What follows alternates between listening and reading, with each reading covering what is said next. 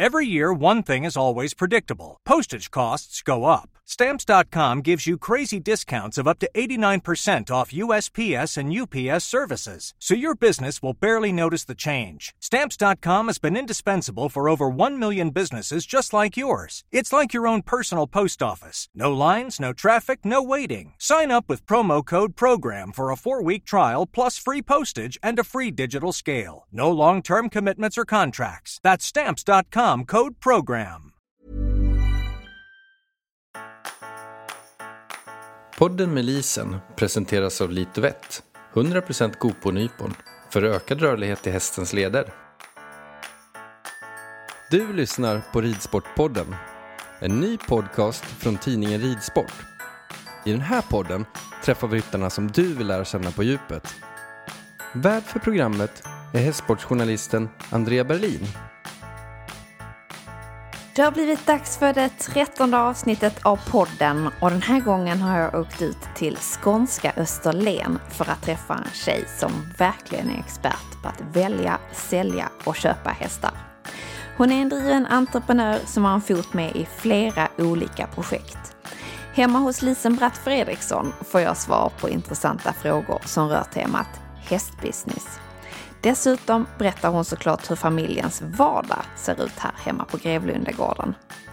Vi slår oss ner inne vid matsalsbordet medan den yngsta sonen Bill passar på att sova middag.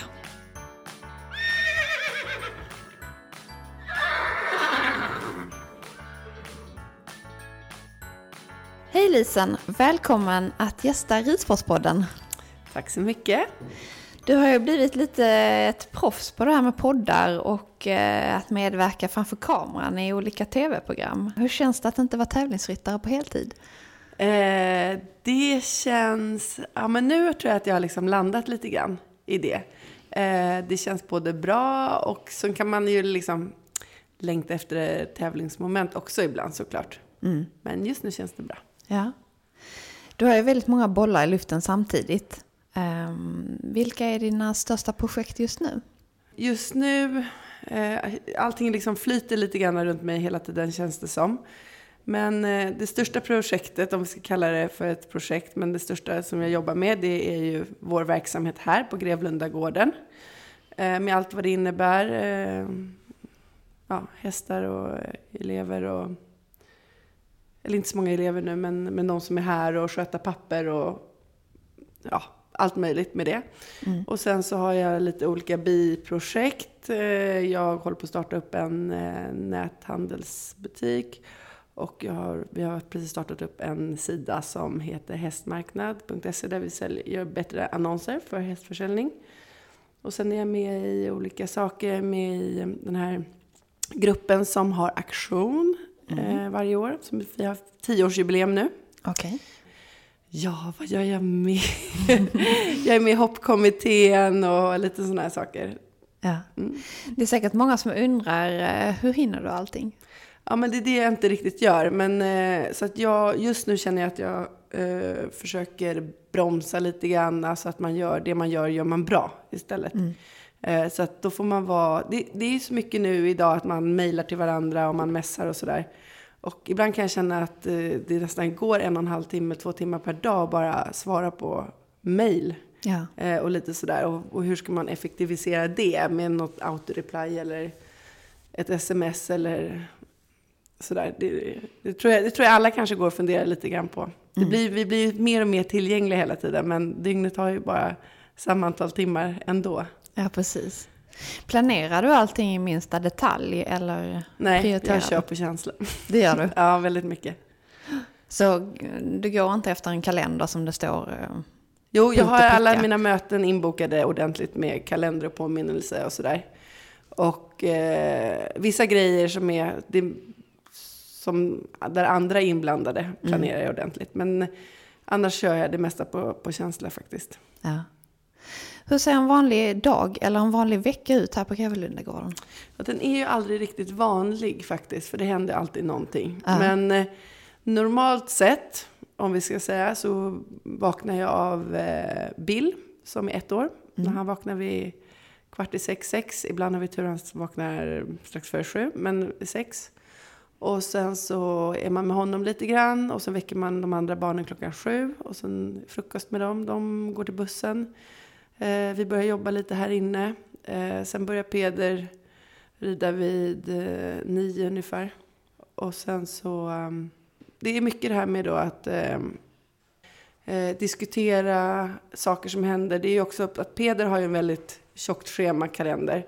Mm. Och det måste också styras ihop och, och liksom organiseras. Det är väldigt mycket liksom att få allting att klaffa så här. Och planera inför nästa dag. Mm. Eh, det är möten som kommer och eh, ja. Men du är hemma alla dagar i veckan här på gården? Eller? Eh, ja, i princip. Och sen är jag ofta, ibland följer jag med Peder på tävling. Mm. Och ibland så är jag iväg och tittar på någon häst eller har något möte någonstans eller så vidare. Så att, eh, jag är nog inte en hel vecka hemma, det är jag inte. Så det är ganska mycket resande också. Mm. Vad är din roll här hemma då? Är du ute i stallet och står i ridhuset och kikar eller vad? Eh, helst vill jag vara det. Mm. Och eh, just nu försöker jag få undan lite pappersarbete så att jag ska kunna vara där nere. Eh, jag försöker vara med när Peder har sina hoppas och även när de andra har sina hoppas. Och då blir det ju oftast hela dagen som man står där nere. Men, men just nu som sagt så har vi haft väldigt mycket pappersarbete just i och med att jag startar upp olika saker och eh, sånt där. Så att nu, just nu så har jag haft väldigt svårt att hinna med det. Okay. Men det är där jag vill vara. Ja, Absolut. det förstår jag. Mm. En stor del av verksamheten handlar ju just om att köpa och sälja hästar och leta hästar till er och till kunder. Mm. Eh, så jag tänkte faktiskt fråga om du vill berätta lite hur processen egentligen ser ut. Ja, man, man kan börja med att säga att i vårt stall så är det ju, först är det Peders hästar och hans satsning på, på sporten. Att, att han ska eh, ta sig till de stora mästerskapen och eh, lyckas där. Mm. Eh, och då behöver han ju oftast en häst för det. Nu har han ju fantastiska hästägare som har gått in och, och skaffat hästar. Men man måste hela tiden också vara på på jakt efter hästar som kommer underifrån. För, för att få, för den här sporten kan vi hålla på med länge och han eh, måste till och med tänka på de mästerskapen, inte bara det stora som är nästa år utan det som är om, om fem år och så vidare. Mm. Så att, eh, att hela tiden hitta hästar till honom nu har vi lagt ganska mycket fokus på. Eh, sen har vi den delen där, som driver egentligen verksamheten, vår verksamhet, den andra delen. Och det är att eh, hitta lovande hästar och, och producera dem. Eh, det, är inte, det är inte så utskrivet att de ska produceras och sen så ska de säljas vid ditt, att det är något speciellt sådär. Utan det är mer det här att vi tycker att det är jättekul att jobba med processen, att hitta en häst, när vi ser en häst som vi tycker, oh wow, det där är någonting. Och sen så vet man aldrig var den resan slutar. För det kan sluta med att den säljs eller att den, det blir en häst i peder eller en häst som Steffi tar fram lite längre. Eh, så att det är aldrig sådär att ja, men nu ska vi köpa en häst och ska vi producera den, ska vi sälja den. Utan det är, mer, det är verkligen mer så att man hittar en häst som man känner för och sen eh, jobbar man med den. Och sen som sagt, var den tar den, det, det vet man aldrig. Det mm. det är egentligen min drivkraft här. Och det kan vara just lite, kanske lite oorganiserat i det. Att just att man inte har, eh, som mina, min pappa frågar efter, om vi har någon budget eller hur vi liksom, eh, vad tanken med affärsverksamheten är och sådär. Utan den, den, den är ganska levande, ganska sådär. Eh, så att, och ibland kan det ju vara så att någon häst som vi har köpt in Ja, men den säljer vi halva till någon som vill att Peder ska rid, fortsätta rida den och sådär. Och någon mm. häst Eh, det, det, varje häst har sin egna lilla historia här kan man säga. Ja. Eh, det roligaste är som sagt att, att just eh, liksom förädla och göra dem så bra som möjligt. Ja. Men vilken ålder är de i när ni börjar kika på hästar? De är, det har ändrat sig lite grann med tiden. Eh, på grund lite grann av de antal boxar vi har. Och vi mm. ser ju också att eh, eh det är hästar som ska ut på, om man ska ha en häst som är liksom intressant för marknaden eller för sporten så, blir, så, så är den oftast lite äldre. Mm. Och vi har inte möjlighet att ha en massa ettåringar och föl och tvååringar här. Eh, så vi försöker nog mest att kunna hitta kanske en treåring, mm. fyra, femåring också. Och, och uppåt så att säga. Så att vi är nog ganska öppna för, för åldrarna, eh, i alla fall från tre Eh, för att hitta liksom, det viktigaste är att det är rätt häst och att vi känner att, att den tilltalar oss och att vi känner att den skulle passa in här hos oss. Mm. Om det då är att du tittar på för en aktion eller för mm. er, eh, vad lägger du fokus då när du kikar? Eh, först och främst så tycker jag att det är, man kan säga när man väljer en ung häst, då får mm. man ju gå lite grann på stammen.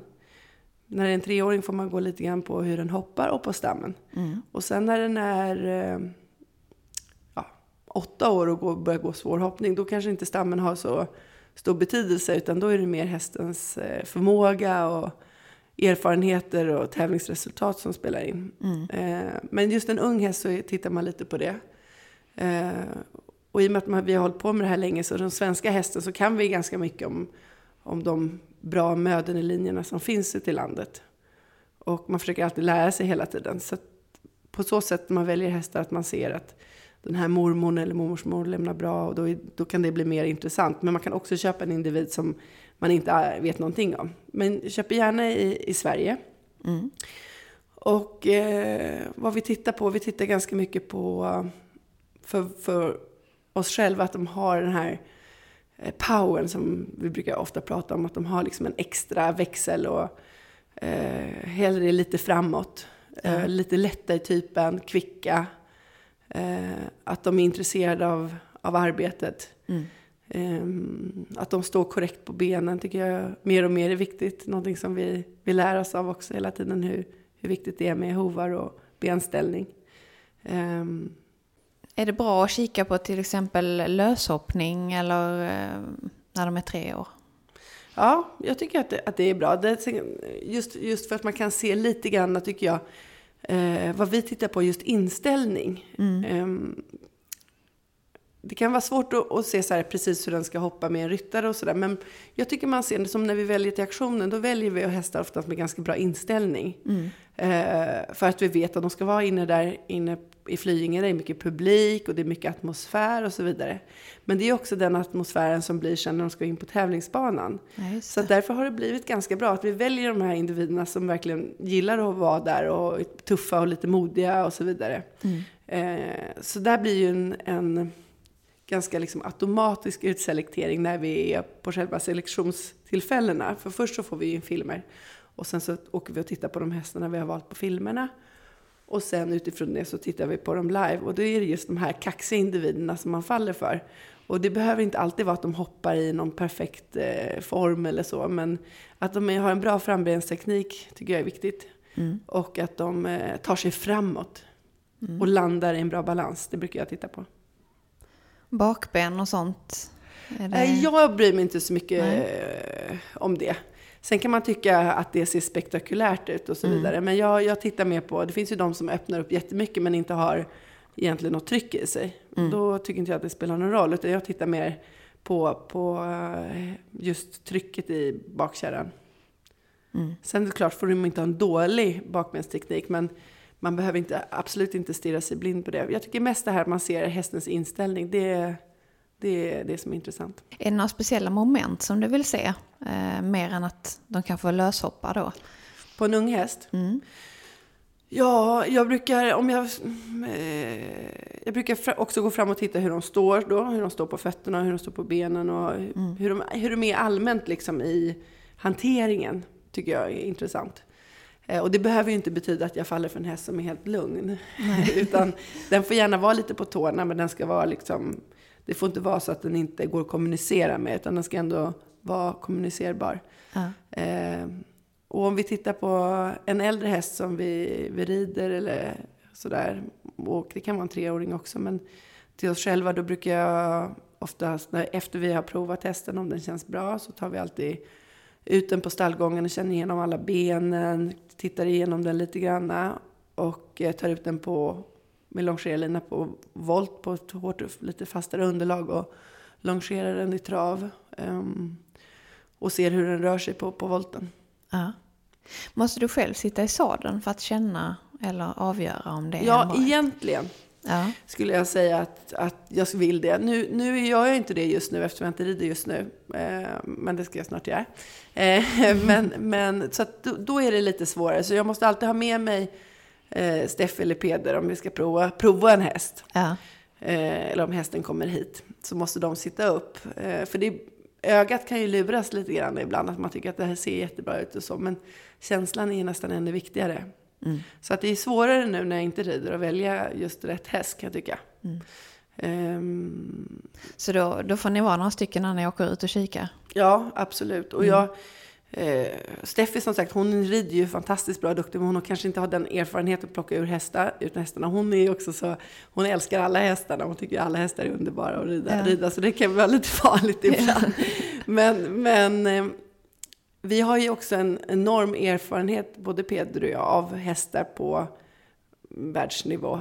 Så att vi har ju en bra eh, guide att gå efter.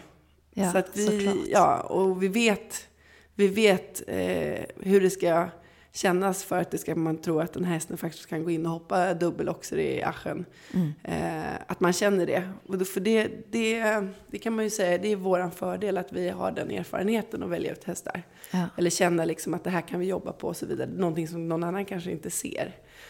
Ehm, det är ju, just när man väljer sådana hästar så är det ju eh, intressant att man kan liksom känna att ah, men den här har, att man känner, man känner det väldigt tydligt. För det är en helt annan grej faktiskt än att hoppa kanske 1,50 i Sverige. Utan att vara- kaxig ska jag säga att det är ganska många hästar som kan ta sig runt en 1,50 hoppning i Sverige om man är en någorlunda skicklig ryttare. Ja. Men att gå in och hoppa 1,50, 1,55 när det är en teknisk bana, lite mer internationellt med det motståndet och så, så det är en helt annan sport. Ja, ja precis. Det, det, går inte, det, går, det är svårt att förklara skulle jag säga. Eh, många tycker ju att ja, men den där hästen, varför tar de inte ut den i landslagssammanhang eller den så här. Men det är en, en väldigt stor skillnad och man måste ju från nationell svårklass så, så ska man gå eh, vidare både som häst men också som ryttare att skaffa sig erfarenheten av att rida internationellt på de, de typerna av banorna och den konkurrensen och sådär. För det, det är annorlunda. Mm. Kräver en, en rutin och kräver en, en väldigt bra häst. När ni är ute och eh, ska välja hästar, tar det lång tid innan ni fattar ett beslut? Eller eh, vill ni fundera? Eller? Nej, det, det är inte svårt om man känner direkt. Mm. Häromdagen köpte jag en häst eh, efter nästan första språnget jag såg den här nere, för de kom hit med den. Okej. Jag tycker också att det är bra när de kommer, att de kan köra dem hit, för att då har man, man har samma bana, man har samma hinder, man är hemma, så man vet ungefär hur det ska kännas. Ja. Så jag brukar alltid, om jag sett en häst på tävling som jag tycker är så intressant, då vill jag gärna att den ska eh, komma hit så att vi kan hoppa den här hemma. Och ibland är de till och med kvar en vecka på prov, men, men eh, den hästen kunde jag, såg jag efter det första, bestämma mig efter första språnget. Och då går det fort, då är jag jättesnabb. Men ibland krävs det lite grann att man måste fundera och det kan vara, ha, ha göra med ägarens prissättning eller någonting annat. Kanske hur den står på benen eller eh, vad den har för erfarenheter eller ja, men sådär. Och då får man tänka lite grann och då kan det vara mer så att man känner när man frågar om om vi inte kan få ha den en vecka på prov och rida den på backen. Och ofta kan det handla just om att man, man undrar om den kan bli lite mer genomsläpplig eller hur den hoppar då. Eller ja, att man kanske bara vill lära känna den och se om man kan få den lite lugnare eller att den skulle passa in i, i vårt system. Mm. Eh, och då, det behöver inte betyda att vi måste hoppa, liksom, se hur stort den kan hoppa. För jag tror att vi, vi testar inte hästarna så stort egentligen när vi provar dem. Utan det är ju mer det här att man är ute efter hur känns det och hur reagerar den och hur är, hur är den att rida på. Blir det ofta stora diskussioner så här om priset och så eh, när man ska göra snabba affärer? Eh, det beror på. Om man jobbar med liksom professionella människor som, då, då det, går det väldigt fort och enkelt och snabbt och Ja. sådär. Och, eh, och i andra fall kan det ta evigheter och ibland blir det inte ens affär fast man egentligen kanske vill köpa hästen. Så att, eh, ja det är lite olika. Och när vi ändå pratar om det just det här med vad det är för hästar man söker och varför och sådär. Så är det ju skillnad nu eh, och från 10-15 år sedan och tillbaka vad för hästar som, som verkligen går hem och som fungerar. För det är, finns jättemånga hästar som kan hoppa över ett större hinder och göra det okej, felfritt och så vidare.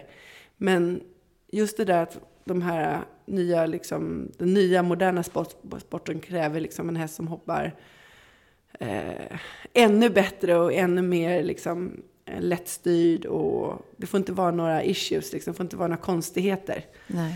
Ehm, eh, och det ibland har många svenskar lite svårt att förstå. Liksom. De säger att ja men den kan ju hoppa jättestort och den tar sig över. Och, och den, var, varför kan den inte kosta mer? För, och då är det just den skillnaden liksom. Det är ju som att jämföra en, en, en Volvo och en Ferrari kanske ibland. Att båda, du kan använda dem och köra 140 på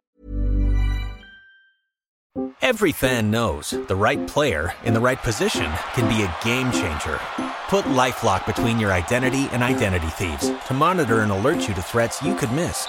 Plus, with a U.S.-based restoration specialist on your team, you won't have to face drained accounts, fraudulent loans, or other losses from identity theft alone. All backed by the LifeLock Million Dollar Protection Package. Change the game on identity theft. Save up to 25% your first year at LifeLock.com slash aware. Motorvägen och, Ja.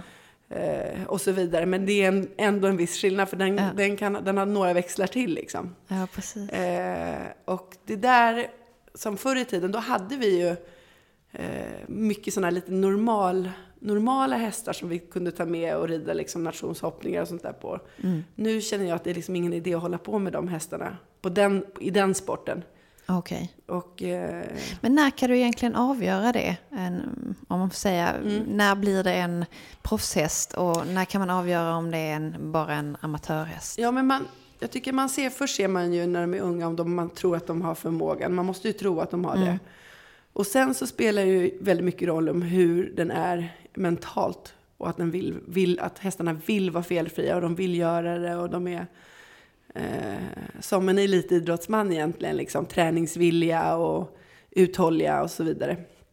Eh, Det kan ju vara en häst som har förmåga men att den kanske alltid spänner sig när den kommer till en trekombination eller den eh, eh, ja, är svår att svänga på eller för långsam, svår att vinna på. Så blir det genast lite sämre om man får säga. Men är det någon speciell ålder som ni brukar ha hästarna och, och vid en tidpunkt då ni avgör att det här ska, ni, ska vi satsa på det här ska Ja. vi sälja? Alltså, jag tycker ju våra hästar är så bra, så egentligen vill man ju inte... Alltså, vi, jag, jag har jättesvårt att säga liksom, att vilken som kommer bli bäst. Ja. Alla hästar som står här i stallet tror vi på. Sen måste vi sälja för att få betala löner och få verksamheten att gå runt. Och ibland Ja. säljer man någon häst som...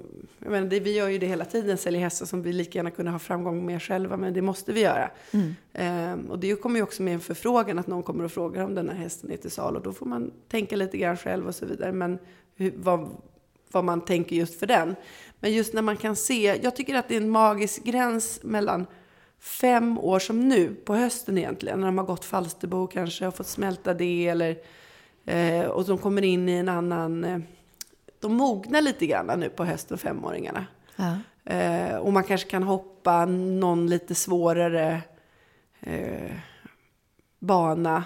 Eh, och då, jag tycker någon gång här mellan, generellt då kan jag väl säga typ någon gång här mellan oktober och januari. Att man ser på femåringarna, de som växlar in och, och växlar upp lite grann. Eh, och man ser att där, då, där tycker jag man börjar se liksom, skilja dem åt lite grann. Ja. Vilka hästar blir egentligen mest lönsamma att lägga tid på? Om man tänker på de som ska säljas eller de man sparar och tävlar under en längre period. Ja, alltså det är ju svårt, för man måste ju sälja, alltså, sälja hela tiden och, för just få eller verksamheten att snurra runt. Vi har så enormt stora omkostnader på det här stället. Eh, men helst så klart att när de går precis har debuterat 1,50 internationellt eh, och visar, visar sig att de gör det bra så är de ju som, då, har de, då är de ju värda mycket mer, men det har ju tagit längre tid och det är mera risker. Vi får inte glömma bort det. Det är många som liksom, det är en enorm risk också att ta fram hästen så lång tid. För det kan ju vara att den inte alls visar sig vara så bra. Man har lagt ner väldigt, väldigt mycket jobb och pengar och tid på den. Eller att den, den skadar sig eller till och med förolyckas. Så det är ju en större risk, men det är också en större chans att kanske tjäna mer pengar, om vi ska säga så. Klart. Sen kommer man ju såklart till det här som många tycker är allra svårast. Och det är ju att prissätta hästar. Hur tänker du där? Eh, jag, jag tänker så här att eh, eh, vad, när jag ser hästen så tänker jag vad, vem kan vara glad för den här hästen? Liksom? Mm. Vem kan den här hästen passa? Ja. För eh, jag tror många tänker liksom att det här är min häst och jag, man lägger ner massa personliga liksom, känslor och tankar på hästen. Och man vill ju att den ska vara bra, så bra som den bara kan. Liksom. Den kan nog gå 1,50 och den kan nog göra det felfritt och den kanske till och med blir... Man vill ju så gärna att den ska vara så bra som möjligt. Men man måste vara lite realistisk där och tänka just nu står jag och tittar på den här hästen. Eh, hur är den eh, sundhetsmässigt? Hur är den att rida på? Vad, vem skulle passa på den här hästen? Mm. Och vem skulle kunna ha absolut roligast med den här hästen? Och då, då tycker jag att det är ganska lätt att prissätta hästen. Ja. Eh, är det så att, ehm, att eh, man har börjat rida, att den börjar gå lite 1,50 hoppningar och gör det på ett bra sätt och är väldigt kommersiell. Och med kommersiell menar jag att den är lättriden, enkel, eh, den är ganska kvick för, så att den kan ta pris och så vidare. Den har ett ganska bra record. Man har lite filmer från bra tävlingsplatser där den tävlar och så vidare. Då kommer den upp i en annan eh, kategori med prissättning och så vidare. Och man väljer sig, vänder sig kanske mot en internationell marknad. Mm. Men vad många eh, tror, de tror till exempel om jag kommer och frågar om deras hästar till salu, att jag tror att det, är liksom, att det här är en världsstjärna, det här kanske är en Ah, världsstjärna. Och så är det ju inte alltid, för vi har ju väldigt många kunder eh, internationellt som kanske efterfrågar en trevlig häst som ska kunna hoppa 1,30 med på ett lätt sätt med en amatör eller sådär. Ja. Och det är väldigt många sådana hästar som jag frågar efter också. Då blir folk väldigt så här, ah, jag vet inte, och hon kanske tror att den här är jättebra och sådär. Då gäller det att ta i priset. Ja, antingen tar de i priset eller så säger, blir de liksom, ja, eh, tycker att det är svårt att sätta i ett pris helt enkelt. Men Ja. jag tror att man måste, och, och har man svårt själv att sätta ett rimligt pris, då kan man ju faktiskt ta hjälp av någon som, som eh, kan det. Och så tycker jag hellre kanske så här, behöver jag sälja? Måste jag sälja? Eller varför sälja? Eller jag kanske till och med inte alls ska sälja. Jag kanske vill behålla den här hästen. Då är det ingen, ingenting att fundera på. Nej. Men jag har sagt det förut någon gång, och jag, eller flera gånger, och jag säger det nu, att det är lite grann vad man själv vill. Jag tror att vi svenskar, vi är inte så affärsmässiga när det kommer till hästarna. Eh, vi har det lite känslomässigt och det är fint tycker jag. Att man tycker om sin häst och man vill fortsätta med det. Och man kanske inte bryr sig eller behöver pengar på det sättet. Eh, men det finns också en stor marknad för dem som verkligen vill jobba med hästar och få liksom en verksamhet att gå runt. Genom att faktiskt sälja någon häst då och då. Eh, Det var så jag började. Jag köpte två och sålde en och så höll jag på sådär. Ehm, Men jag tror generellt om vi pratar affärer och prissättning och sådär, att man ska vara, hellre ligga lite liksom i underkant och få det sålt, Ja. tycker jag. Att, Vem tycker du man ska fråga då om man, är, om man inte riktigt vet? Ja, men då kan man fråga någon som, som säljer mycket hästar. Man kan fråga mig eller man kan fråga... Mm. Men, men helst då måste man liksom komma hit med hästen och man Ja. måste eh, visa upp ett tävlingsresultat. Mm. Ibland kan det ju vara så att man ser att jag ser att den här hästen har jättemycket potential. Men tävlingsresultaten är för dåliga för den har gått kanske med en ryttare som inte passar med hästen. Och då kan man eh, rekommendera att de placerar hästen hos någon duktigare ryttare. Eh, och får upp resultaten lite grann. Eh, och då, då är det klart om det funkar då så kan ju prislappen också bli lite högre. Men då ska man också tänka på att man kanske måste sätta in lite pengar i utbildning och så vidare. Ja. Hur skulle du beskriva hästaffärer i Sverige jämfört med övriga Europa? Eh, ja, men det är ju väl just det där att vi är lite eh, känslomässiga och Ja. lite veliga ibland och sådär. Det är ju, och, som nu, jag var uppe på Champion of the Youngsters där och tittade på hästar. Frågar ju på massa hästar hela tiden. Ja. Fråga om den var till salu och sådär. Eh, och jag tror i alla fall att 80-90% inte var till salu. Men sen är det några som har hört av sig här efteråt och funderat kanske hur, om, om det, det kanske ska säljas ändå eller ehm, ja. Mm. Det, det, I Sverige är det lite mer sådär och jag kan känna lite grann om någon skulle fråga mig om min häst var till salu, skulle bli jätteglad. Även fast den kanske inte var det, men det betyder i alla fall att någon har en tanke med den och tycker någon, ja, om någonting i, i, den. Men en del kan nästan bli lite arga sådär, för att man frågar. Jaha, ja. det borde man ju inte bli. Nej, men det är väldigt skillnad. Åker man till Holland och frågar, då finns det ju nästan direkt ett pris på hästen och det är liksom mm. så. De, men de är ju lite mer så business liksom i, mm. i det. Hur kan det vara att det är mer ruljans utomlands än, än vad det är i Sverige? Eh, ja, först och främst eh, deras inställning till affärer mm. eh, med hästar. De har, de har det i sig på något sätt. De har alltid handlat väldigt mycket med hästar och fött upp hästar. Och på, på, på ett, eh, vad ska jag säga, just på ett, liksom, med en ekonomisk tanke. Ja. Som man föder upp eh, kanske vilket sorts avelsdjur som helst.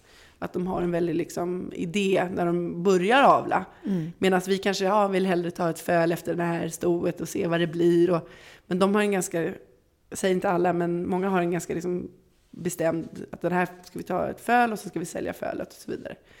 Eh, sen har de en helt annan marknad där nere på det sättet att det är väldigt, man är i Holland till exempel, då är det ju massa olika eh, nationaliteter som är där och tränar och tävlar. Och det är liksom en mecka där verkligen. Vi ja. ligger ju lite långt här utifrån. Eh, sen är det ju bättre här nere i Skåne tycker jag, för då flyger ju folk lätt till Köpenhamn och mm. kommer och tittar på hästar sådär.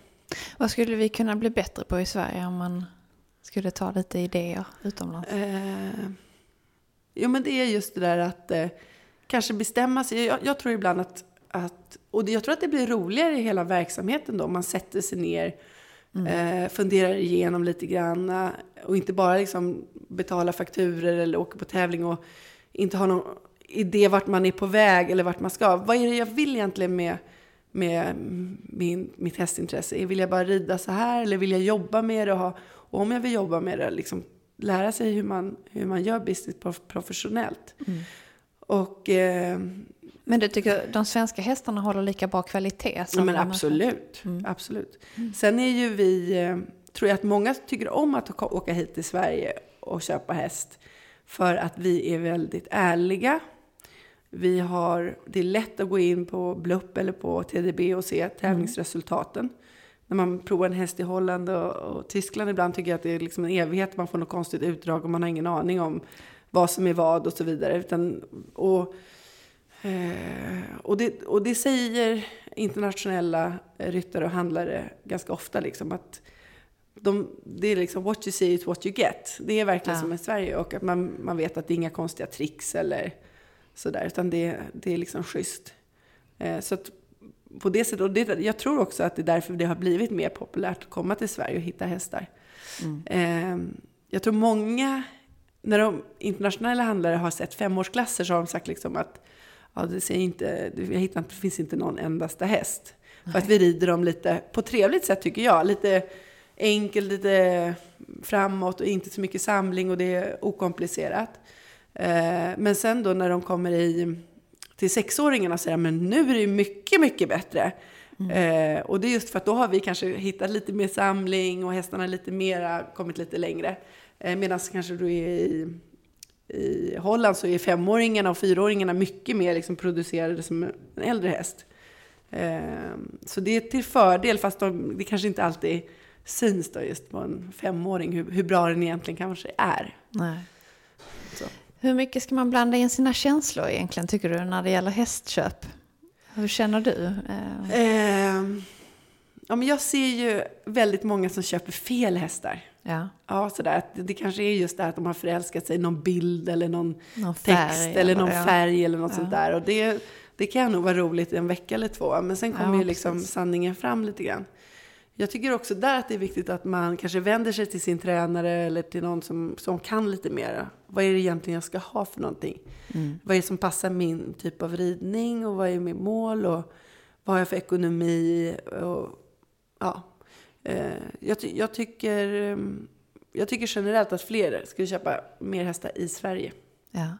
Faktiskt, för det finns ju fantastiskt bra utbildade liksom, 4-5-åringar här tycker jag. Och just det här att man vet, man kan ringa till uppfödaren och få hela historien. Och, eh, än att man åker och köper någon häst i Holland som man kanske inte har koll på just när det är så här ungt i början. Ja. Har dina känslor fått styra någon gång när, när ni ska sälja hästar? Att den ligger så varmt om hjärtat att du inte vill bli av med den? Eller? Ja, ofta ja. är det så. Eh, tycker jag. Det är, um, speciellt med de som är bra.